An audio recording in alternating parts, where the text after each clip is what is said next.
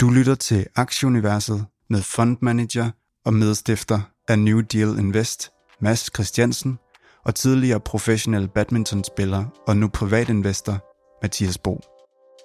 Velkommen til Aktieuniverset.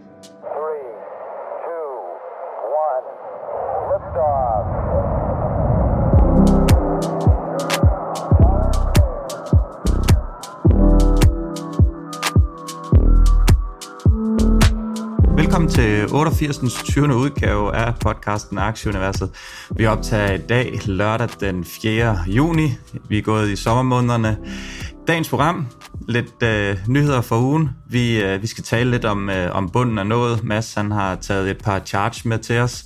Og så skal vi selvfølgelig også lige kigge lidt på, på regnskaber. Der er blandt andet noget Okta-regnskab, der er noget Salesforce, der er noget Game Stop med videre. Godmorgen, Mads. Godmorgen, Mathias. Du smiler her til morgen. det var fordi, jeg så dit øh, flotte ansigt. Hvordan har, øh, hvordan har jeres øh, handelsuge været?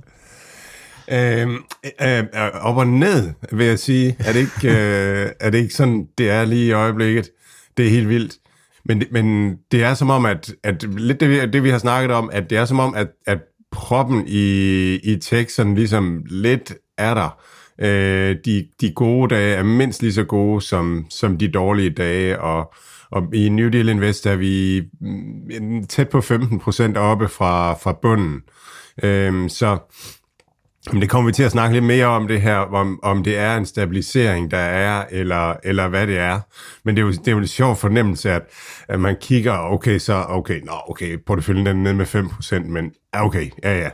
Det er jo sådan, det er jo hverdag, ikke også? Så, så, så, så skifter man over og ser noget mere øh, Seymour, eller hvad man nu ser på, og sådan noget, ikke også tager det stille og roligt, fordi så ved man jo, at det er 10% op næste dag, eller 7% eller sådan noget. Så, så det er, ja, det er vilde tider, må man sige. Og jeg tænkte faktisk også på det her med, Øhm, altså, øhm, når jeg sådan snakker i millionærklubben, og, og sådan, der er ikke meget aktiesnak nogen steder. Altså, der er ingen, der gider at snakke om den enkelte aktie, fordi det er jo fuldstændig ligegyldigt, om, om regnskabet var, var en lille smule bedre, en lille smule dårligere, når det er sådan, at, at makro bare sender de her aktier op med, med 7% og ned med 7% øhm, dag ud af dag inden. Jeg er helt enig. Der er, det, det er høj, højt i karusellen øh, for torsdag, hvor det hele kører, og der er for, ekstra for på det hele, og så fredag, så, øh, så er det bare tilbage til havregrynen igen. Ikke? Ja. Men altså, det gør det jo også. Øh, jeg, jeg synes, det man lever i hvert fald sådan øh, emotionelt at blive sådan lidt mere øh, hårdhudet, så jeg tænker, at, at, at sådan for, for investorer, som, som måske sådan er en yngre generation, som ikke lige har været igennem, måske har de lige oplevet lidt investering i coronakrisen og sådan noget, så er det virkelig noget, som er lærerigt på en eller anden måde, som også gør, at senere hen i ens investeringskarriere, man er sådan lidt, nå jo, men det har vi oplevet før, det, træerne vokser ikke ind i himlen, men, øh, men vi er vant til de her, øh, de her store udsving. Ja, vi får valget her om nogle år, om vi skal blive de der gamle, kloge, gamle mænd, der, der siger, ah, det her, det er ingenting. Altså fremover, de, de kommende år i aktieuniverset, hvis det er sådan, at markedet lige tager øh, 4% op eller ned en uge, så kommer vi bare til at sidde og sige, Gab, det er ingenting det her, gutter. Altså, dengang tilbage i 2021 2022, der var der Ramachan i den. Lad os lige prøve at kigge lidt på indeksmass for, for ugen, der er gået. S&P'en er oppe 1,25, Dow er op 0,8, Nasdaq'en er op øh, 2%, øh, DAX er i 0 til 25, øh, en lille smule minus 1,5 procent. Den 10-årige rente, den steg lidt her øh, torsdag på, øh, på en flot jobrapport, vender vi lige tilbage til. Og olien er i 120, den, den steg også en lille smule. Øh, US dollar krydset ligger ligesom i, i sidste uge på, øh, på 0,7. Øhm, Lad os lige starte med at tale lidt generelle nyheder, Mads. Der var en lille smule uro i, i mosen ved, ved Solana. Øhm, hvad var det for noget? Ja, altså ja, der har virkelig været uro i, i kryptoland, så, så det man kalder altcoins er, er lidt presset, fordi at, at uh, Ethereum har der været lidt, lidt rod med deres uh, overgang til, til Ethereum 2. Øh, og, og nu her senest var der faldt Solana rigtig meget i pris, og, og der var handelsstop i, i Solana, øh, i, i hvert fald i en fire timer. Og, og jeg prøvede sådan lige at blive klog på, hvad det, hvad det egentlig var, der foregik, og der er godt nok mange forskellige holdninger til, hvad det er, der foregår, og, og, og så videre. Så, øh, og Solana var en af, var den øh, protokol, som mange ligesom så som, som en, der kunne lave, være rigtig god til finansielle transaktioner. Altså for eksempel, at man kunne bygge en, en handelsbørs øh, øh, på Solana-protokollen, og, og lige pludselig nu her, så, så er der tvivl om, om den rent faktisk er den bedste, eller virker, eller sådan et eller andet. Det er virkelig et land, øh, krypto. Ja, vi kan lige nævne øh, uh, BTC, den, uh, den er i 29.7, uh, øh, dugfrisk her fra, fra morgenstunden. Uh, cirka det samme som i sidste uge, en lille smule op. Den var i midtugen en, en lille smule op, uh, og det hjalp også min uh, MicroStrategy-aks til en, en pæn stigning, specielt torsdag. Ethereum er, uh, er bakket en lille smule her de sidste 24 timer, ligger i, i 1766 for at være helt præcis. Jamen, altså, det var sjovt at følge, ikke? Sidst, i, I sidste uge sagde jeg det her med, at jeg, jeg tror, at jeg tror ikke, at den bare øh, bryder ud fra det her 30.000 niveau. Altså, jeg tror, at, at det bliver svært, og der kommer nogle falske udbrud og så videre, ikke? Og så, og så i starten af ugen, så tog den lige en tur Bitcoin op til op over 32.000, og, og jeg var sådan, okay, var det, var det virkelig det her? Og så sker der lige lov for, at den så lige pludselig var i frit fald igen og, og på vej ned. Så øhm, ja, det, det er svært at være teknisk analytiker her og finde det rigtige udbrud. Øh, og når vi senere skal snakke det her med, skal vi op eller ned, og, og der er også noget med det her med, altså, hvad, hvad, hvordan får man en edge i aktiemarkedet? Der er jo altid en masse, der har haft ret det sidste halvår, eller hele år, eller den sidste uge, eller lavet nogle gode handler. Men i bund og grund, der hvor, hvor bitcoin er lige nu, det, det, er, det er sådan et sted, hvor at alle dem, der sidder og tegner streger og laver teknisk analyse, de taber stille og roligt penge, øh, fordi at de køber, køber op på et udbrud, og så sætter de et stop loss, og så ender de med at sælge igen, og så videre, og så videre, og så videre. Så der, der er, det, jeg tror ikke rigtig, der er noget vindende derude generelt. Lidt, lidt andre øh, ting. Amazon de har annonceret et, et aktiesplit. Øh, den her aktie, som koster omkring 2500. Øh, vi snakkede lige om det, inden vi gik på. Du, øh, du var sådan lidt, og ja, og hvad så? Og så, øh, så er det eneste, jeg egentlig kunne tilføje til det. Det giver en lille smule mening, øh, når aktien er så dyre, for det er klart, at der sidder mange, øh, der, der er relativt nye aktiemarked, som måske ikke lige har 2500 US dollar til at købe en Amazon-aktie, øh, som måske kun har det, der svarer til 10.000 danske kroner, som er en, en færre størrelse at tage en position i. Og de kan selvfølgelig så komme komme med nu her ved de her aktiesplit, men ellers så giver der fuldstændig ret, om en aktie koster 50 dollars, eller den koster 100 eller 150 dollars. Det er alligevel større beløb, folk investerer for end det, så, så det betyder ikke så meget, men her kan det måske godt give en, en lille, lille edge til, til dem. Ja, selvfølgelig. Altså, det er jo, det er jo for også at give an, øh, almindelige mennesker mulighed for at investere i, i Amazon, så, så på den måde giver det jo god mening, at, at selvfølgelig skal aktien være sådan, at den kan ligge i almindelige menneskers portefølje også. Så har Cathy Woods fra Ark Invest, hun har været ude og købe øh, Nvidia i, øh, i, starten af, i starten af ugen. Øhm, også en aktie, som vi har talt lidt varmt om her på det seneste, og gennemgået også sådan lidt mere præcist, hvad det omhandler. Øh, man kan sige for, for, for os, der, der har øh, respekt øh, for, for hende. Det er jo i hvert fald ikke noget dårligt tegn, at hun også begynder at se noget værdi i, i den her aktie, som selvfølgelig også er, er, er banket helt tilbage i forhold til chip shortage, og hvor, hvor meget de her, øh, det kræver de øh, at gående fremad, hvor meget der, der bliver efterspørgsel på det her, så giver det mening. Øh, og øh, ja, jeg har også selv købt lidt Nvidia, og det, det vender jeg tilbage til lidt senere. Øh, så var, øh, så var Microsoft, de var ude og lancere en, en ny computer i onsdags, kom den nyhed. Øhm, dagen efter, så var de ude og, og nedjustere deres forventninger til, til Q4, og det kostede så faktisk i, øh, i starten af, af, af torsdagens handel, var den nede, øh, futuresne var nede over 3%, men på grund af en rigtig god dag, så slutter den faktisk i, øh, i plus. Og det var også sådan et af de her, Microsoft, en af de her kvalitetsaktier, man kan sige, jamen, og uanset hvad der skulle ske i en eventuel recession eller noget, jamen, så skal folk stadigvæk bruge, de skal stadigvæk bruge deres Excel-ark og deres Office-pakke, de skal stadig bruge deres cloud-løsninger, som det her Azure som de er, som de er så dygtige med. Så, så det er en af de her ting, jamen selvfølgelig kan det godt koste lidt, men, men i sidste ende er det nok ikke noget, som, som koster det helt store. Og de går ud allerede nu og ser, jamen det kommer til at koste en lille smule, og så nedjusterer de, så de ligesom bare kan få, få banket det rust af, så der ikke kommer de her overraskelser, som, som gør, at aktien måske lige pludselig sætter sig 10-12% på et, øh, på et regnskab. Ja, og så de, øh, de store tech-aktier, de handler jo generelt billigt. Altså når man ser på de billigere end Coca-Cola og, og øh, altså på, på PE og, og sådan noget. Øh, hvis man skal få det til at give mening, så tror jeg, at man skal, så tror jeg, det, man skal tænke, at, at de nok også er lidt følsomme over for bruttonationalproduktet.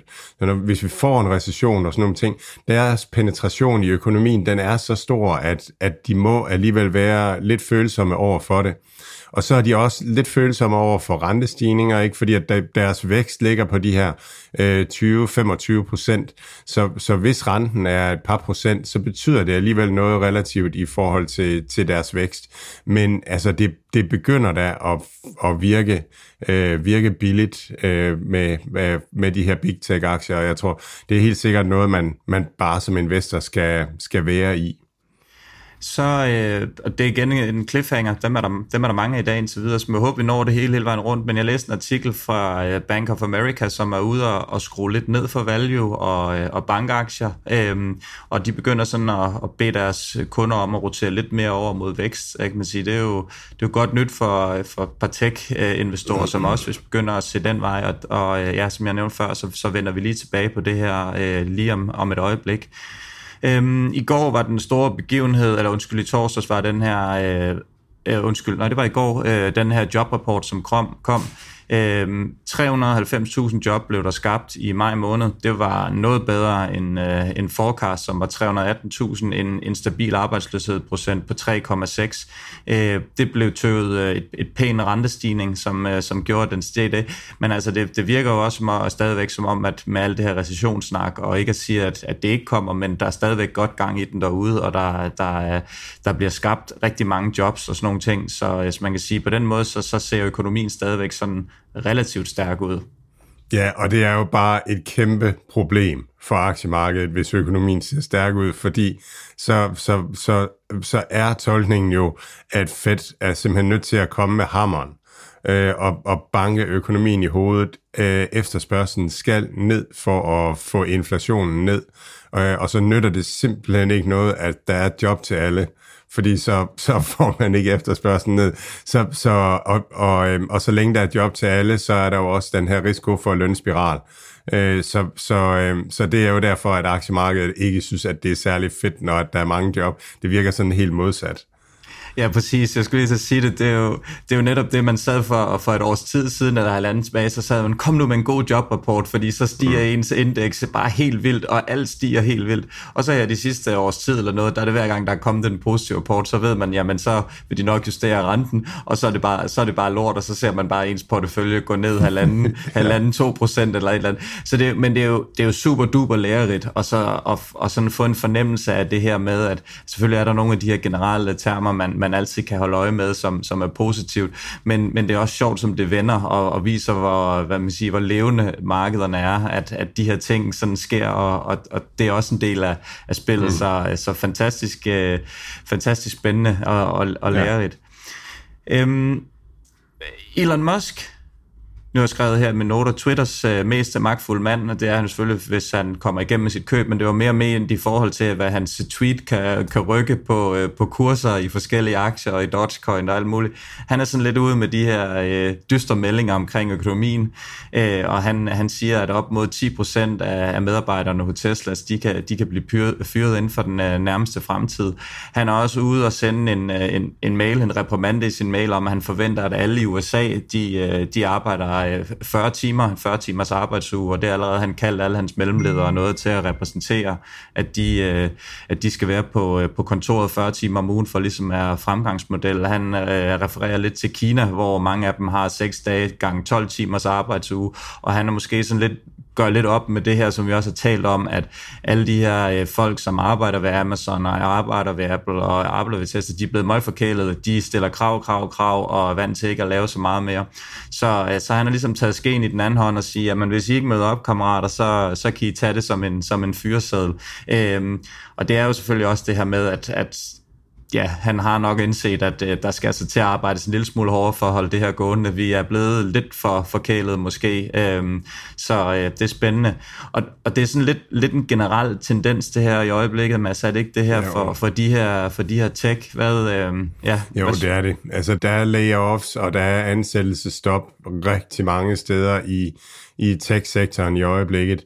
Og man kan godt undre sig lidt over, at Amazon, eller at, at Tesla gør det ikke, de vokser 50 procent og sådan noget. Hvornår, hvornår har man nogensinde en virksomhed, der vokser 50 procent, der har brug for at, at afskedige medarbejdere? Øhm, Play Magnus Group øh, gjorde det samme, begyndte at snakke om det, øh, men, men det, er, det er simpelthen generelt over hele pladen, at tech-virksomhederne kommer ud og snakker om, at, at de skal kontrollere omkostninger, og de skal, øh, og de skal afskedige medarbejdere. Øhm, Ja, det er jo interessant. Man, man kan sige, at Tesla, altså det, det, når alle gør det, så er det jo også en god mulighed for ligesom at få, få afskedet dem, der ikke arbejder 40 timer. Altså dem, hvor, hvor alle på arbejde ved godt, at de sidder hjemme øh, tirsdag og torsdag og, og laver ikke ret meget og sådan nogle ting. Altså, så, øh, så lige pludselig, så, så kan man jo gøre den her øvelse. Så det kan jo godt være, at det er den vej rundt. Men, men det jeg også hører, det er, at, at, at, øh, at inden for det øh, private equity market, der er, der er pengene også blevet mindre og begyndt at tørre ud, og virksomhederne forventer ikke på samme måde som tidligere, at de kan rejse ekstra penge til høje valuations. Så det, det gør jo, øh, det gør jo at, at det kommer til at fungere på en anden måde. Man er nødt til at kontrollere omkostningerne noget mere. Man kan også vende den rundt og så sige, hvis, hvis de andre virksomheder ikke har så mange penge heller, øh, til at vækste og til at konkurrere, jamen så behøver vi måske heller ikke at have så mange penge mere. Så det kan også være, være okay sundt. Altså jeg tror egentlig på lang sigt, så er det sundt for virksomhederne. Og så tror jeg, øh, eller har leget med tanken om, at det måske er er sundt for, øh, for de dominerende virksomheder, der sådan ligesom er tættest på at være cashflow-neutrale, at, at, øh, at det bliver lidt svært, og at det bliver dyrt at, at komme ind øh, som en ny ung virksomhed. Så, så altså alle kriser, der kommer de største og de stærkeste og de bedste virksomheder ud af det. Så, så det er forhåbentlig bare ret tidig omhu. Men det er en sjov ting, at, at det ligesom er en, en tendens over hele sektoren, at alle har fundet ud af at gøre det på, på, øh, på samme tidspunkt, og det kan godt gøre en lidt nervøs øh, for, for, hvad der kommer. Men det er vel også et udtryk for, at, øh, at de her selskaber gerne vil have, som du så var inde på, de vil gerne have trimmet lidt af fedtet af. Alle øh, de her buzzwords øh, med, øh, med optimering og bedre marginer og, øh, og tjene nogle penge og sådan nogle ting også. Det er jo også godt klar over, at de skal tilfredsstille nogle investorer, som i øjeblikket bare smadrer alt, som, har, som, som driver stort underskud og som reinvesterer sådan nogle ting. Så de er jo også tvunget til måske at komme lidt ud af busken og tænke en lille smule anderledes på det her, om at sige, nå jo, men for Tesla, der alle bare købt Tesla, der er det sgu ligegyldigt, om han havde 10 eller 15 procent flere øh, ansatte, som, som bare sad og pillede sig i navlen, fordi de tjente så, eller de gjorde de ikke, men det var så værdifuldt selskabet, så det var lidt ligegyldigt, om han skulle skrive det ene eller det andet ud i, i lønsedlen. Men det, det er også vågnet op til en anden øh, hverdag nu, og alt andet lige, så, øh, så betyder det jo også noget, hvad, hvad market cap og værdien er af de her selskaber her. Så jeg tænker, at, at det er sådan lidt naturligt del i det, som vi har, vi har snakket hen imod, og det er egentlig måske meget godt, at, at de her selskaber, de går ud og er opmærksom på det her, fordi det er det, investorerne, de vil høre i øjeblikket. De vil høre optimering, de vil høre bedre marginer, øhm, så jeg tænker, at, at det giver jo god mening, at han som, som en af de helt, helt tunge drenge går ud og siger, nu, nu, nu kommer vi altså til at sadle lidt om, kammerater, og der skal altså, der skal altså arbejdes hårdt, hvis, hvis I vil være en del af det her, ellers så, øh, så kan vi godt undvære jer. Det bliver, gør det i hvert fald nemt for rigtig mange virksomheder at gøre det samme. Altså uden at, at, at der er nogen, der tænker, nå, det var da nok bare fordi, at han, at, at, at han ikke øh, kunne lide ham og ham, eller, eller et eller andet. Så ja, så det er sikkert godt på sigt. Det, der præger øh, diverse øh, finansmedier, uanset om det er på Yahoo Finance, eller på MarketWire, eller på børsen, eller hvor man nu finder sin, øh, sin daglige dosis af, af finansnyheder, det er jo det her recession, er bunden nået, er det dead cat bounce, et eller andet andet. Der, der går jo ikke en dag i øjeblikket, hvor der ikke er mindst 10 artikler, hvor den ene ekspert siger det ene, og den anden ekspert siger det andet. Så man kan sige, at halvdelen af dem får ret, fordi det, det kan som, som sagt kun bevæge sig to veje et marked øh, op og ned. Så det, så det er relativt nemt at gætte, om man har, om man har ret eller ej. Øh, så det her med, om bunden er noget, det vil vi måske lade være at komme med et bud på her, fordi så, så differentierer vi os ikke for så meget andet. Men du har taget et par charts med, øh, Mads, som, øh, som ligesom siger, at hvis, hvis det ene sker, så er det det her, og hvis det andet sker, så er det ud for det her. Så kan du ikke prøve lige at fortælle lidt om de her charts, og, og hvordan, øh, hvordan det spiller sig ud? Jo, og, og, øhm, og, og egentlig et, et, et sted, der inspirerede mig i den her uge, det var, at Lars Christensen var med i Millionærklubben øhm, i torsdags, og, øh, og han fortalte om, at han tænkte, at inflationen var høj, og den ville blive ved med at være høj, øh, og så havde han egentlig en interessant pointe, at aktier er jo et rigtig godt inflationshedge, så han var, han var sådan lidt med, med Tina, at, at den gælder stadigvæk, there is no alternative. Øhm, obligationerne, er kommet lidt op i, øh, i afkast, øh, de obligationer, altså øh, obligationer, når man køber dem nu. Så derfor er der måske en del, der, der sådan var begyndt at tænke, jamen så, så er der jo et alternativ til aktier, og det har jeg også selv været ude at sige. Men det man så glemmer, det er, at når inflationen så også faktisk er på et højt niveau, altså så er det jo ikke særlig, hvis inflationen er 4%, så er det jo ikke særlig fedt at have obligationer, hvor man får et afkast på 3%, fordi så har man bare sikret sig et negativt afkast på 1, eller en, et fald i sin købekraft på 1% øh, per år. Og samtidig så, så skal aktier være et hedge i forhold til det.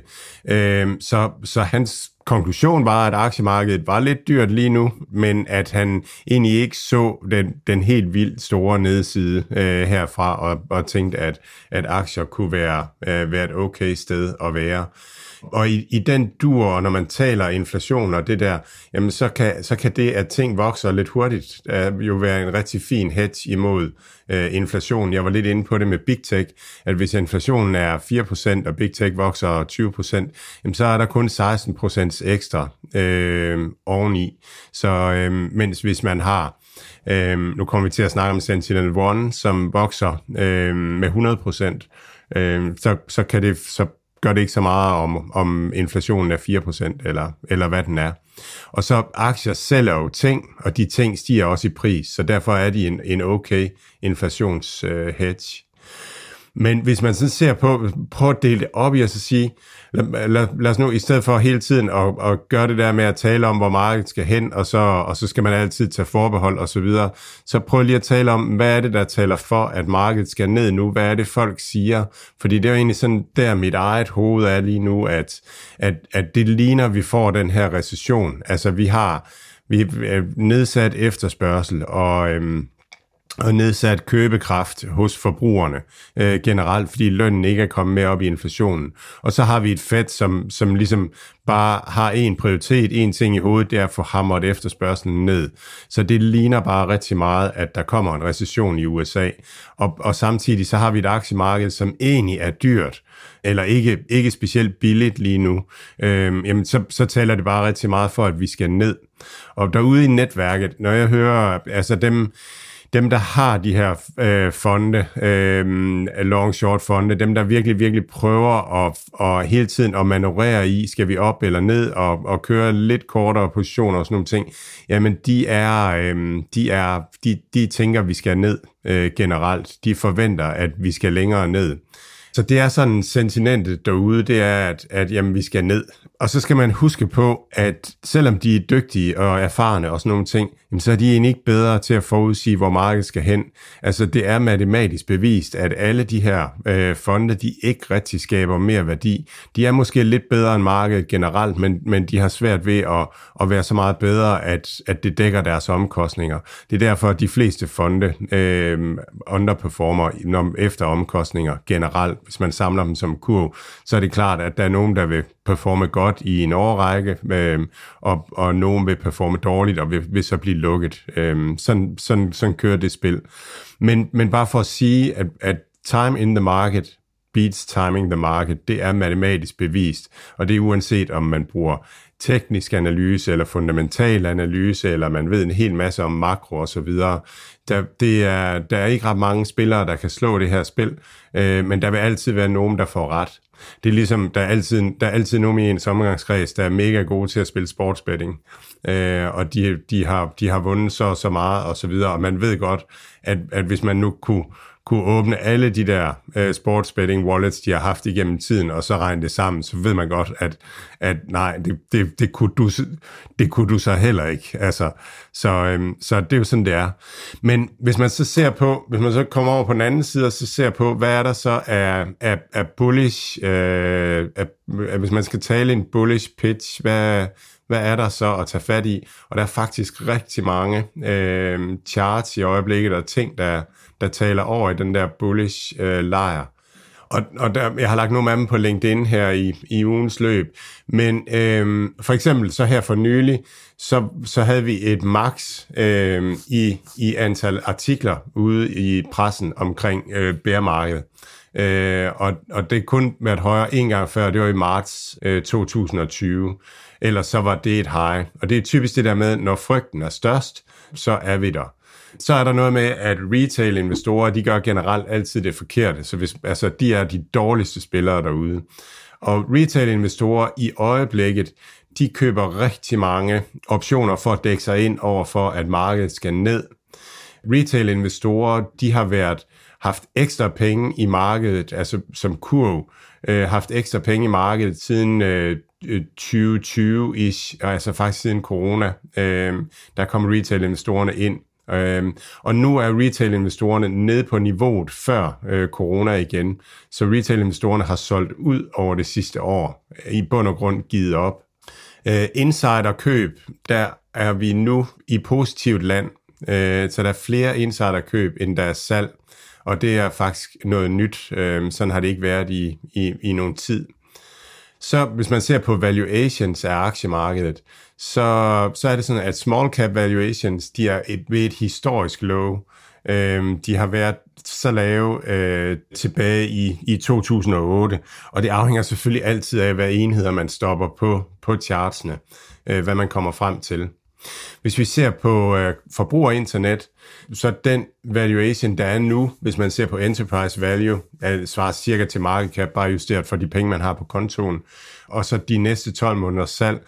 Så den valuation, vi er på nu, den har vi tidligere været på i 2002 og i øh, 2009, øh, og så øh, øh, i 2012 også, og så under coronakrisen. Og, og historisk set har det givet et afkast på 50-100% på et år. Øh, så, så vi er et sted nu prismæssigt, hvor det er billigt. Og så kan jeg ikke lade være med at tænke på, at, at, at det Lars siger også, at, at når inflationen er høj, øh, altså så, så, så burde aktiemarkederne også være, øh, være lidt højere vurderet. Altså hvis vi får høj inflation det næste år, jamen så, så skal aktiemarkederne være en lille smule højere vurderet. Så, så når de ikke er det, altså så er det egentlig endnu billigere, end, øh, end, end vi ellers lige tænker det. Jo, det her, det var, hvis man sammenligner, hvad valuation vækstaktier har, små vækstaktier har i forhold til S&P, jamen så er det på et, et low, som ikke er set tidligere, øh, tilbage til, øh, helt tilbage til 1998. Så relativt er små vækstaktier nu meget, meget billigere end S&P 500. Øh, ja, så, så det er, der, der er en masse ting, der taler for, at at vækst er billigt, øh, og at, øh, at, at vi er på et sted, hvor at, at aktiemarkedet godt kunne vende. Jeg kan måske lige tilføje her med, med de her small cap aktier, som du nævner. Øh, hvis man bare gerne vil have en ETF, så, øh, så er der en, der hedder Vanguard, har en, der hedder VIOO, og det er amerikansk small tech øh, som, øh, som man kunne, kunne kigge efter, hvis man har en bred, bred eksponering der, fordi det er selvfølgelig meget, meget risikofyldt at gå ud og, og stockpikke nogle af de her helt små amerikanske selskaber. Så der kunne man i hvert fald kigge, øh, kigge i den retning, hvis, øh, hvis, man, hvis man tror på det her. Øhm, og jeg, jeg synes, det er utroligt spændende, Mads, og øh, nu, nu lyder det måske lidt som om, at vi har snakket sammen i løbet af ugen. Det, det har vi også lidt, men ikke om det her. Fordi at øh, jeg har været ude og starte med at købe lidt op, det skrev jeg også på, på Twitter, Øh, onsdag var jeg ude at købe Datadog, jeg var ude at købe øh, Shopify, jeg var ude at købe Nvidia, jeg var ude at købe Mercado Libre, jeg var ude at købe Grab og jeg var ude at købe SoFi. Øhm, det kan lige nævnes med SoFi her, apropos insiderkøb, at uh, Anthony uh, Noto, deres CEO, har siden 13. maj, han har købt for 1 million US dollar øhm, i, i, i aktier, og nu ved jeg selvfølgelig ikke, hvor mange penge han har. Han har nok mange, men uh, umiddelbart så 1 million dollars er, er et relativt stort, stort beløb, og det som du siger, det er jo ikke noget, man man kan være 100% sikker på, men det er i hvert fald et bedre tegn, at en, en CEO køber, end han er ude at sælge, medmindre det er en eller anden, øh, nogle, nogle warrants eller noget, han har, der udløber, eller, eller nogle andre ting. Og så, øh, så i forhold til, til det her, hvad der er grundlaget for, for min køb, det er øh, den primære grund, det var det, som, som vi også snakkede om sidst, at der er rigtig mange penge på siden i øjeblikket. Der har faktisk ikke været så mange penge på siden de sidste 20 år, som der er i øjeblikket. Og vi, vi har set øh, de her nye tider på aktiemarkedet, at når det begynder at gå op, så går det hurtigt. Og folk er ikke bange for at, øh, at hakke til, hvis de, hvis de ser en trend, eller... Øh, eller hvis de spotter en aktie, som er, om er blevet markant billig, eller som får rygvind, så går det hurtigt lige pludselig. Og det her med, at, at du sidder med cash ude, som, som i øjeblikket bare taber værdi i forbindelse med inflationen, og i, i nogle danske banker også bare, hvis de står på, på, på ens konto, jamen så er det, så er det time, time in the market, der, der betyder noget. Jeg er meget enig i det her med, at det er primært de her negative artikler, der kommer op hele tiden. Nu skal vi i recession, nu skal vi i recession, og det kan gå meget længere ned, og alle indeks skal ned og sådan nogle ting. Men som vi også har snakket lidt om, så de her øh, growth tech-selskaber, de har strittet lidt mod de sidste par uger. Vi så det også i tirsdags faktisk, hvor indeksene faldt, men, men de her aktier, som vi taler om, de klarer sig faktisk fint igennem. Øh, I starten af året og i slutningen af sidste år, jamen der var det bare på default, at faldt Big Tech 1%, så satte Upstart, øh, Upstart øh, eller C Limited, de satte sig 10-15% på samme dag. Og det er altså ikke det samme, øh, hvad hedder det nu, øh, det er ikke det samme, vi, vi ser mere. Faktisk tværtimod, der er nogle gange, nogle dage, der, der, kører, de, der kører de faktisk en lille smule modsat. Øhm, så det tager, tager jeg også et eller andet sted for, for et styrke. Og så synes jeg, at den, den sidste ting, er, er, at vi skal snakke en lille smule om, det er det her, som jeg nævnte også lige tidligere i forbindelse med den her artikel fra Bank of America. Et begreb, vi, vi har, har glemt alt om i, i forbindelse med inflations- og rentesnak og krig i Ukraine og alt det her. Det her sektorrotation. Øhm, det er det her med, jamen det var populært at være i tech for, for to år siden, og der snakkede alle om, at man skulle derover. Så begyndte folk at snakke om, at man skulle i value. Det tog så et, år tid, et, et års tid, inden folk begyndte at komme derover. Men altså, det er ikke kun i aktieuniverset, vi, vi taler om tech-selskaber. Lad mig, bare, lad mig bare sige det sådan, så, så vi er ikke de eneste, der har spottet, at, at de her selskaber øh, er faldet 50-80 procent. Og om man ved det eller ej, og man kan lide tech eller ej, så altså, de her, nogle af de her tech-selskaber, det bliver altså megacaps i fremtiden. Øh, det, det er uundgåeligt, fordi det her teknologier giver umiddelbart så meget mening. Så er det så lige, om man kan spotte det rigtige af det, eller, eller hvad der bliver til noget. Det er jo så, det er jo så, næste, det er jo så næste øvelse. Men, øh, men det er helt klart den vej, vi skal. Så det er sådan de ting, jeg har, jeg har lagt til grundlag for, for mine køb. Og så kan man så sige med, med Unlucky som, som en øgenavn, så, så ramte jeg den selvfølgelig helt perfekt med, med 4-5 af dem onsdag lige på toppen, da det lige startede med at stige. Så kom jeg ind, og så, øh, så satte det sig efterfølgende. Men øh, jo, jeg tror, det, det ser nogenlunde fint ud. Selvom, øh, selvom, to, eller selvom fredagen var en, en lille smule dum. Jamen, og det, det er meget det her med flows, altså som, som du siger med, hvor, hvor flyder pengene hen. Øhm, og det var en af de, en af de charts, som, som også har været ude, og som jeg synes er spændende at se på. Det er, det er hvis, man, hvis man ser på øhm, fondene, hvad de har, hvor deres penge flyder hen, og, og har to øh, ting. Den ene er, er tech, og, og, og det man kalder øh, consumer discretionary, altså det vi har til, til forbrug efter, at vi har købt alt det basale. Hvis det er den ene graf, og den anden graf, det er energi, metaller, industri og, og finansiel, øh, Øhm, jamen så, så, så fluktuerer det sådan bla bla bla bla bla over en årrække fra 2010 til 2020-21, og så lige pludselig, så kører det helt fuldstændig i hver sin retning, hvor det er tydeligt, at flows er, er væk fra tech og forbruger discretionary, og så over i, i de andre ting, altså i det, der, der typisk er value-segmentet. Og, og, øhm, og i og med, at, at tech ikke er så stor en del af markedet, jamen, så skal der ikke så meget til, før at, øh, altså hvis, når de flows vender, så kan det godt øh, begynde at, at gå rigtig hurtigt. Og så er man der, altså skal man have de sidste 20% fald med, eller skal man bare sige, hold da op mand nu, altså når noget er faldet 80%, altså så hvis det skal tilbage til det niveau, hvor det var tidligere, og det skal de fleste af de her virksomheder, i hvert fald af de store virksomheder, der er nogle små, der vil dreje nøglen om og så videre, men de skal jo tilbage, og når noget er faldet 80%, jamen, og det skal tilbage, så skal det jo stige øh, 400% igen øh, før vi er der. Så der er en stor upside i, i mange af de her ting her, og det er også derfor, at det som kurv i den der undersøgelse, jeg snakkede om, kan stige 50-100% på et år.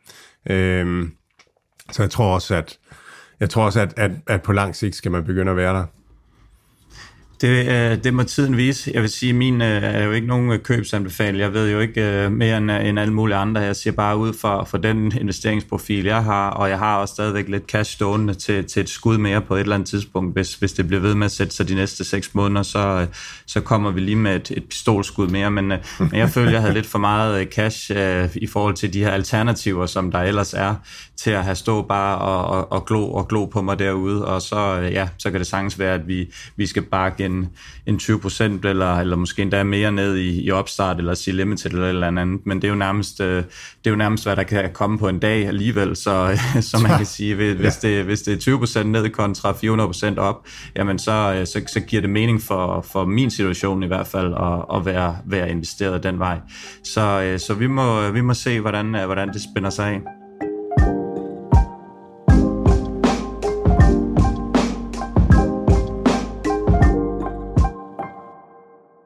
Alt, hvad Mads, Mathias og deres gæster siger, er deres egne meninger. Det er ikke finansiel rådgivning. Denne podcast er udelukkende ment som information og skal ikke bruges til at lave beslutninger om investeringer.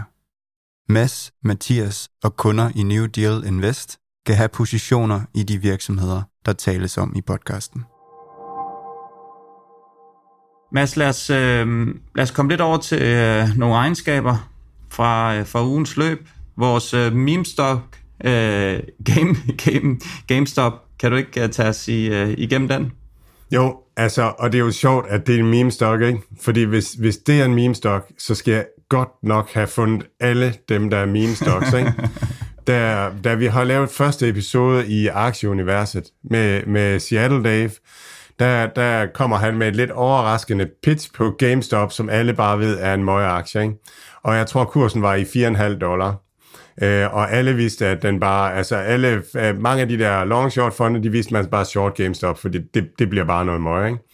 Nu er, nu er røgen så lettet, der kom lige, der var lidt snak om den, og lidt, der var lidt short squeeze og sådan noget, som vi alle sammen snakkede lidt om. Øh, nu er røgen lettet, og kursen den er 132 dollar. Øh, Ja, det er jo Seattle Dave, han hedder Seattle Dave på Twitter, dengang så var det bare et nickname, han havde, men nu hedder han Seattle Dave, fordi han faktisk ejer hele Seattle, efter han har investeret i, i GameStop-aktie til, til 4,5 eller hvad det var. Han endte faktisk med at sælge meget af det, omkring 30-40 stykker. Øh, men han kunne se, han kunne se casen, ikke? Og, og den, den var der, øh, casen. Så, så, så jeg tror, at meme stock, det betyder i virkeligheden, at, at alle de der øh, regnedrenge i, øh, i den finansielle sektor, de forstår ikke aktien og handler den helt, helt forkert. Det bliver den nye definition på meme stock. Men, øh, men nu, er, nu er regnskabet er, er sådan pænt, der er en 10% vækst. Den handler til en price sales på omkring øh, 2.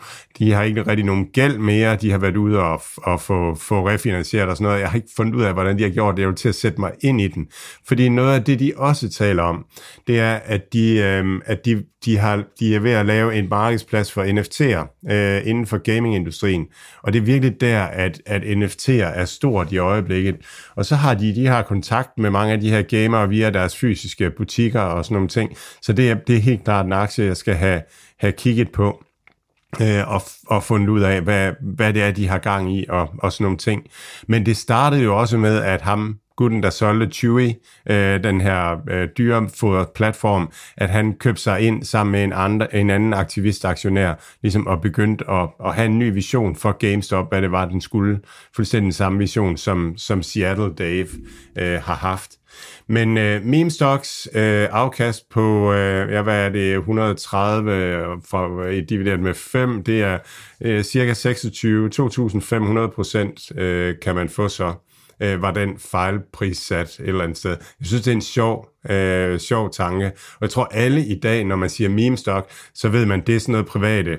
De der øh, Reddit-folk, de bare, de bare hyper op, øh, sådan at, at der bliver squeezed. Men her var det altså, var det dem, der havde 100, 100 p ret øh, i bund og grund. Og øhm, lad os komme over til Salesforce. De var også, øh, de var også i ringen. Ja, øh, den her mastodont inden for, øh, øh, inden for øh, CRM-systemer, øh, øhm, og som også er begyndt at, at prøve at arbejde sig mere ind i, i workflows på arbejdspladsen. Øh, de købte øh, Slack øh, for, for et års tid siden, eller sådan et eller andet.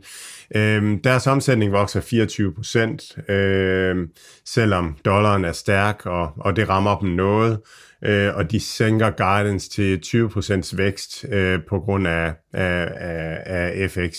Men øh, det, det vokser fint, og det er sådan en del af, af motoren i at være en digitaliseret virksomhed. Det er, at du skal have styr på dit, dit, dit customer relation management og, og hele den der funnel og, og have det i clouden. Og øh, vi bruger Slack i New Deal Invest. Det er mega godt øh, til at i stedet for mails, de her mails, der flyver rundt omkring og sådan noget, så har man nogle tråde på de enkelte emner, øh, som, som det fungerer godt. Så, øhm, så det, er, det er sådan en, en, en, en god, solid øh, vækstaktie, og det er, de er så store og så effektive og har fået de her economies of scale, der, der, der, der betyder meget inden for digital, så de er, de er rigtig svære at, at bide skære med inden for deres øh, område.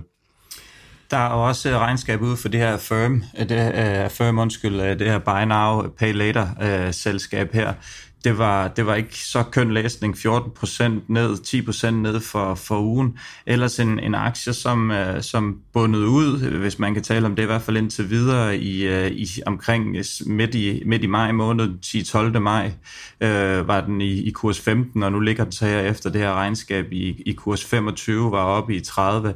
En aktie, som har ligget højt i omkring 100, 170 øh, for, for, et, for et års tid siden, eller faktisk ikke engang i, i november måned. Øhm, så man kan sige, det er også et af de her selskaber, som, øh, som ja, hvor, det, hvor det ser svært ud i øjeblikket, men, men måske er der noget upside til øh, den vej i hvert fald, og jeg ved, at, at det, er en, det er en aktie, som, øh, som jeg er temmelig sikker på, at Puro Saxena, han, øh, han også har en, en bid af i hvert fald, øh, så man kan sige, at ja, det er, det er en af de selskaber, man også skal kigge en lille smule på, men det er klart, at, at det er ikke hele, hele pensionen, man skal, man skal allokere den vej, øh, fordi det, det er selvfølgelig ikke kønt i øjeblikket, men øh, det vi snakkede om, når alle, øh, når alle, alle djævlene er ude, så, øh, så kan det være, at der er et lille smule håb øh, for, for det her. Ikke? Og, og ja, fra 14 til 25, det er jo en pæn stigning. Det ville man da være glad for, hvis, hvis det var tilfældet. Så den kan man i hvert fald lige holde øje med. Men, øh, men øh, ja, det er, det er risikofyldt. Der, der er mange dygtige, der, der, der godt kan lide Affirm øh, med indsigt. Øh, på, øh, netværk plejer at være meget godt til at ramme de virksomheder, der får, øh, der får fart på. Øhm, jeg har det her med gorillaer, øh, sådan en, en, en kæphest med, at jeg kan rigtig godt lide at have de største virksomheder inden for øh, brancherne. Øhm, og og der, er, der er store virksomheder, der har bare en Pay Later på paletten. Der er Mercado Libre, der er øh, C-Limited, Block øh, har købt øh, Afterpay. Øhm, så, så, og, og flere og flere begynder at arbejde hen imod buy now, pay later løsninger på deres platforme. Og der synes jeg, at Firm står sådan en lille smule selv bare, øh, som, som uden, at, uden at have de der øh, platforme, man kan samarbejde med, uden at, at have altså sådan de store netværkseffekter på tværs til andre ting. Øh, så det, det, det gør, at jeg holder fingrene lidt fra Firm. Kunne det være en øh, takeover-kandidat? Jamen, det, det kunne godt være sådan noget, der bliver købt ind, ligesom, ligesom Afterpay blev, blev købt af, af Block. Jeg har også hørt lidt om, og, og lidt fornemmelse af, at Klarna ikke øh, kører så godt. Det er også det er den her svenske betalingsløsningsplatform, der også har Buy Now Pay Later. Så. Yes. Lad os gå over til Sentinel One. Yes, øh, sikkerheds, øh, cybersecurity. Øh, og, og både Sentinel-1 og CrowdStrike var, var ude med regnskab, og det er jo to meget forskellige dyr øh, at se på øh, øh, regnskabsmæssigt, hvor at øh, CrowdStrike har et, et godt øh, frit cashflow øh, og vokser, og Sentinel-1 øh, Sentinel-1 vokser hurtigere, øh, vokser 110% i omsætning. De har en, øh, en operationel marginal på minus 115 procent, altså så de taber flere penge, end deres omsætning er. Og det er mega godt, fordi at, at, at så er tabet øh, faldet med 50 procent. Altså, øh, så, så før tabte man øh, næsten dobbelt så meget, som man, øh, som man omsatte. Øh, og, og, og, og det, det, det, er jo, det er jo software as a service, det er cybersecurity, øhm, og, og det vil sige, at man starter med at bygge systemet og udvikle systemet og sådan nogle ting, øh, og, så man har en høj øh, omkostningsbase øh, inde i midten, inde i motoren, og så gælder det simpelthen bare om at få en masse kunder på, og en masse omsætningskroner. Den sidste kunde, man får på, har man ikke særlig store omsæt eller store udgifter ved, men tjener rigtig mange penge hvis man ser på det her cybersecurity ting, så kommer vi jo fra, at vi, at vi for 20 år siden, der havde vi en firewall, og så havde vi, så havde vi sådan et eller andet endpoint uh, protection, altså hvor at, at, at vi ligesom satte en væg op rundt om vores computer derhjemme, sådan at, at, at ting ikke kunne komme ind. Øhm, og og den, øhm, den protection, man vi havde dengang, det var jo, det var jo nogle, nogle, nogle øh, uh, cybersecurity-programmer, som blev opdateret. Når der så kom en ny, nogle nye viruser, så kom der en fil ud til vores cybersecurity-program om, at den og den og den fil duer ikke, og den og den og, og sådan et eller andet. Og de skulle hele tiden opdateres for, at det fungerede. Og så er der jo bare sket en eksplosion i antal filer derude, så, så det, det kan man ikke mere. Man kan simpelthen ikke blive ved med at opdatere øh, de her programmer med de filer, der ikke dur. Så, så der skulle nogle andre løsninger til. Og der er CrowdStrike så kommet med deres løsning, som, øh, som hedder Endpoint Detection og Response. Det vil sige, at man, man lader sådan lidt filerne, man registrerer bare, hvilke filer der er derude, og så de filer, man sådan finder ud af, er, er, er onde, dem går man fuldstændig amok på og smadrer øh, og fjerner øh, og sådan noget. Det er derfor, det hedder detection og så response. Så vi holder bare øje med, hvad der er, og så, så gør vi noget ved det. Problemet med det, det er lidt, at så er der ikke rigtig sådan, så, så kan filerne jo komme ind i dit system. Og hvis det ikke er sådan nogle, hvis der går lidt inden, at man, det, de, altså angrebene bliver mere og mere sofistikeret. Øh, det er nationalstater, der sponsorerer angreb, og, og der er sådan en hel industri omkring det, hvor nogen specialiserer sig i at udvikle programmerne, altså malware, og nogen specialiserer sig i at implementere dem. Og så, så ligger de her programmer stille og roligt og holder øje med, om der er noget værdifuldt på den her øh, computer. Øhm, og på din computer, Mathias, der vil det være den NFT med din, øh, din øh, Unix-catcher øhm, fra dengang du vandt et eller andet. Men så kan man holde de her filer låst, og så tage en løsesum fra, fra virksomhederne eller, eller sådan noget. Så det er et problem bare at have endpoint detection og response. Og det Sentinel-1 så gør, er fordi endpoint detection and response, det er det CrowdStrike gør. Det Sentinel-1 gør, øh, som de kan også, det er, at de har også øh, noget endpoint protection. Så de har en intelligent, øh, en intelligent port derude, der i stedet for at være database, øh, øh, øh, baseret, ligesom de var for 20 år siden, jamen så har man noget intelligent, der også lige holder øje med, hvad er det egentlig, der er på vej ind her, og, og tror vi, det er okay. Øh, så de gør lidt begge dele, og det udvikler sig øh, løbende, det her øh, security øh, derude når man så ser på CrowdStrike, og når de, når de skal lave response, øhm, så er der mennes, flere mennesker involveret, end der er over i Sentinel-1. Sentinel-1 er mere den her øh, cloud-løsning, artificial intelligence-løsning, der ikke skal, øh, skal så meget ind over. Øh, der er sådan en amerikansk øh, test-standard, der hedder MITRE Attack Testing, øh, hvor man, hvor man, hvor man hvor man simulerer de her angreb, der kommer fra nationalstater øh, og, og sådan nogle ting, de her sofistikerede angreb, og så tester de her virusprogrammer, hvad, hvad de kan, hvad de kan, hvor meget de kan forsvare sig imod. Og der ligger øh, Sentinel-1 og, øh, og Palo Alto. Det, det er de bedste i de her tests, hvor CrowdStrike faktisk ligger et stykke nede. Og så noget, der er interessant, det er, at CrowdStrike skal ind og ligesom fintune systemet undervejs, alt afhængig af, hvad det er for en type angreb, man kommer ind i øh, hvor at Sentinel-1 og Palo Alto slet ikke behøver at, øh, at justere setup'et, øh, konfigurationen i deres øh, protection. Og det, så det, det tyder lidt på, at Sentinel-1 sådan har en lidt bedre teknologi end CrowdStrike, men jo også har en meget mindre volumen, og derfor, derfor stinker deres øh, profitabilitet, altså som i virkelig, virkelig. Men, men hvis man så ser på, at, at, øh, at de kører med en, et underskud på 115 procent, så deres kerneforretning, altså når de får nye kunder ind og sådan noget, det har en, en øhm, der, der tjener de cirka 80 procent, 75-80 procent af pengene. Så hvis de kan fordoble omsætningen næste år, og så fordoble omsætningen næste år igen, så er de teoretisk set cashflow øh, neutrale. Så det kan gå hurtigt. Men det handler om, hvad bliver den gode løsning øh, fremadrettet. Og i det her cybersecurity space, der tror jeg bare, at det her gælder, at, at tidvand kommer til at løfte alle både.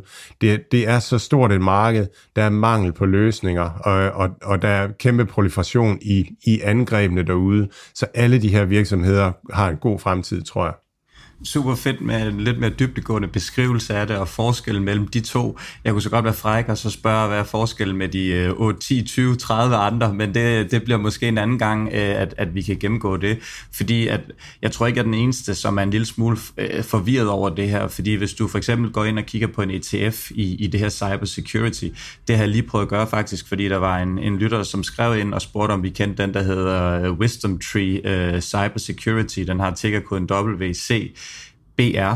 Øhm, nogle af de største positioner deri er Datadog, Cloudflare, Rapid7, øh, CrowdStrike, Palo Alto, Okta. Øhm, så kigger jeg på nogle af de andre. Øh, iShares har også en, den hedder iHank, og der er, der er nogle af de her top holdings er noget anderledes. Det er nogle helt andre navne, som, som er inde der. Så det er jo meget sådan, øh, jamen, hvad, hvad kigger man efter? Det er klart, at alle de her, som laver cloud-løsninger, de har selvfølgelig integreret sikkerhedsløsninger i, så man ikke bare, når man lægger dataen ud, at, øh, at alle så er tilgængelige. Så det er meget, meget, det, det fagner meget, meget bredt det her, og det er ufatteligt komplekst at investere ind i, så derfor så skal man virkelig vide, vide, hvad, hvad man taler om, og have den her nødvendige indsigt, og, og den her til at forstå forskellen af det, og der vil jeg da gerne være indrømme, øh, at der er jeg langt fra, øh, og, og det er sjovt, at du, du kom med den her beskrivelse, fordi at, at inden jeg sad, og da jeg lige sad og skrev nogle ting ned omkring det her, der kom jeg til at tænke på den der uh, John McAfee, eller hvad hedder Mac, Mac, ja. McAfee, eller McAfee, McAfee, eller hvad den hedder det. Ja, ja når, man, når man købte en ny, uh, ny køb, køb i Fona, når man købte en ny computer i Fona, så sagde de altid, skal du ikke lige have det her virusprogram med, så må man sidde og køre de der disketter ind i, ind i computeren og lave en eller anden uh, firewall, som der var. Og hver gang man prøvede at åbne et eller andet, så fik man det videre. Er du sikker på, at du vil åbne det her? Fordi det ikke altid være, der er et eller andet gris på. Ikke? Så det, det er enormt komplekst at, at investere i det her. Øhm, og derfor så er det også vigtigt nu, apropos de her ETF'er, som måske kunne være et godt redskab til at kigge den her vej kigge lige igennem og se i hvert fald, hvad top holdings er i, i de her forskellige selskaber, så man sådan har en nogenlunde idé, for det er meget forskelligt. De to, jeg nævner for eksempel også her, den her iHank for iShares, og så den her WCBR. I går for eksempel, der falder iHank, den falder kun omkring en procent, hvor, hvor den anden, den falder 2,77 procent. Så det er sådan lidt, man sidder og har investeret i, i ja. cybersecurity, men, men det kan være helt forskelligt, hvordan deres performance har været i år indtil videre, afhængig af, hvad det er. Så, øh, så det er i hvert fald ikke nogen nem balance at investere hen imod det her, og hvad, og hvad der helt præcis er cloud, og hvad der helt præcis er uh, cybersecurity, det, det er sådan meget et, et, et fondue af lidt det samme, uh, umiddelbart i hvert fald. Ja, det er, det er, og det er lidt en jungle, fordi at er det så, er det så vægtet, øh, for eksempel det, der er. Øh, fordi hvis, hvis det er vægtet, så får man rigtig meget af, af, de, af de store, de gamle øh, virksomheder, og ikke så meget af de nye. Øh, så, så det vil bevæge sig forskelligt.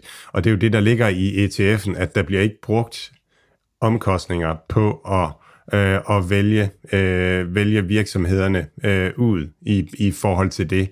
Og der kan man sige, i, i, øh, i New Deal Invest, der, der, der ligger vi os midt imellem ETF'er øh, og aktiv forvaltning, i hvert fald på de, på de brede produkter, og, og vil gå til øh, for eksempel cybersecurity øh, her på den her måde, at, at, at vi lytter til, til dem, der er derude, Muji Hypergrowth og, og, øh, og, og dem her, det, noget af det her, jeg har hørt her, det, det er en anden, en anden gruppe, som, som snakker cybersecurity, og så lytter til, hvad, hvad er deres top-navne lige nu.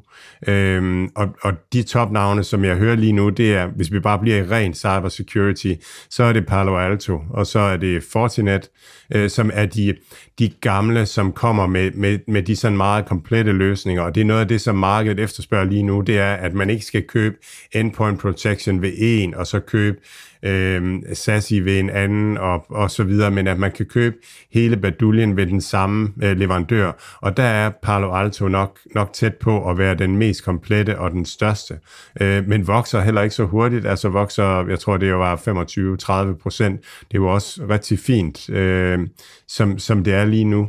Og så, og så er CrowdStrike er den der, som, som lige nu har rigtig god enhedsøkonomi, bare opjusterer, opjusterer, opjusterer, men har faktisk en, en teknologisk nok lidt, lidt, lidt underlegen løsning i forhold til Sentinel-1, som kommer som den nye, der virker dyr. Så det er sådan, det er sådan de, de navne, der, der lige virker oplagt. Og så, så når vi bevæger sådan lidt længere ud i SAS, altså så er der de andre, du nævner også. Øhm, så. Øhm, kan du måske lige nævne en af dem her, Okta, øh, de kommer også med regnskab, 50% revenue growth, som er jo øh, ret flot for dem. Øh, Todd øh, McKinnon, deres quarterback, han var ude på earnings call og netop havde det her, apropos, øh, de, de har kæmpe, kæmpe øh, tab i øjeblikket, men han er netop ude at sige det her, jamen de virkelig har fokus på, øh, på marginerne nu her, de, øh, de har fokus på frit øh, cashflow, de her buzzwords, som, som investorerne gerne vil høre, og det var han egentlig meget smart og var meget ude og sige på, jamen nu her, der, der begynder vi at og øh, trimme fedtet af, af skiderikken og se, om vi kan, vi kan gøre det, fordi det, det var et, et større tab end, øh, end, end de andre kvartaler i øjeblikket. Så, øh, men det var, det var egentlig noget, som, som var, var, var, var sød musik i ørerne på, på investorerne, og, og, og det, som du siger, det koster ikke så meget, når, når det hele først er sat op, så koster det ikke ret meget til for en bruger, eller to brugere, eller tre brugere, eller tusind brugere. Så på den måde, når det første helt er strømlignet, jamen så, så begynder de her penge lige pludselig at, at fosse ind for, for dem, som, øh, som virkelig øh, ja, som, som klarer sig igennem og overlever. Så, så det, bliver, det bliver spændende at se, om, om Okta er en af dem. Og når man ser på, på prissætningsmæssigt, så, øhm, så nu, nu taler jeg det der om forbrugerinternet, at, at der er afkastet, der hvor vi er nu prissætningsmæssigt, så vil afkastet historisk set være 50-100% over det næste år. Der, dernede er vi ikke endnu med software as a service, øh, og heller ikke med fintech. Øh, der er vi sådan lidt mere i, i gråzoneland. land. Øh, men jeg er ikke i tvivl om, hvis man, når man tager de lange briller på, hvis man kan finde de vindende af de her virksomheder, så bliver det nogle sindssygt gode afkast over, over rigtig mange år, fordi der, der er bare vildt meget brug for, øh, altså for, for løsninger inden for, altså for software-løsninger. Men, men det har været den her forretningsmodel, som markedet, aktiemarkedet er helt vild med, at, at sådan en som CrowdStrike, når først det kører, der hvor man kører nu, det er jo bare en pengemaskine. Der er ikke så mange udgifter på, øh, på de seneste, altså på de nyeste kunder, øh, når de kommer ind. Øh, og de snakker om det her med, at de har flere platforme og så videre, og det er, det er at installere den første platform, der, der, der er dyrt og omkostningstung for dem. Øhm, så, øhm, så det er, det er gode forretningsmodeller. Mads, jeg tror egentlig, at det var ordene for, for den gang. En, øh, en kort, kortere løbetur i skoven, vil stadig sige, hvis man, øh, hvis man kan holde til den her gode team, vi har optaget, så, så synes jeg, det er godt klaret. Men, øh, men ja, det er i hvert fald ikke en, som, øh, som gør, man, øh, man, man drætter om halvvejs, øh, som, som vi indimellem har, har det med at levere. Så øh, jeg tror, vi skal der er tilbage og ønske alle derude, og dig, Mads, rigtig god weekend, og vi er ja, naturligvis tilbage igen i næste uge. Tak lige meget, Mathias.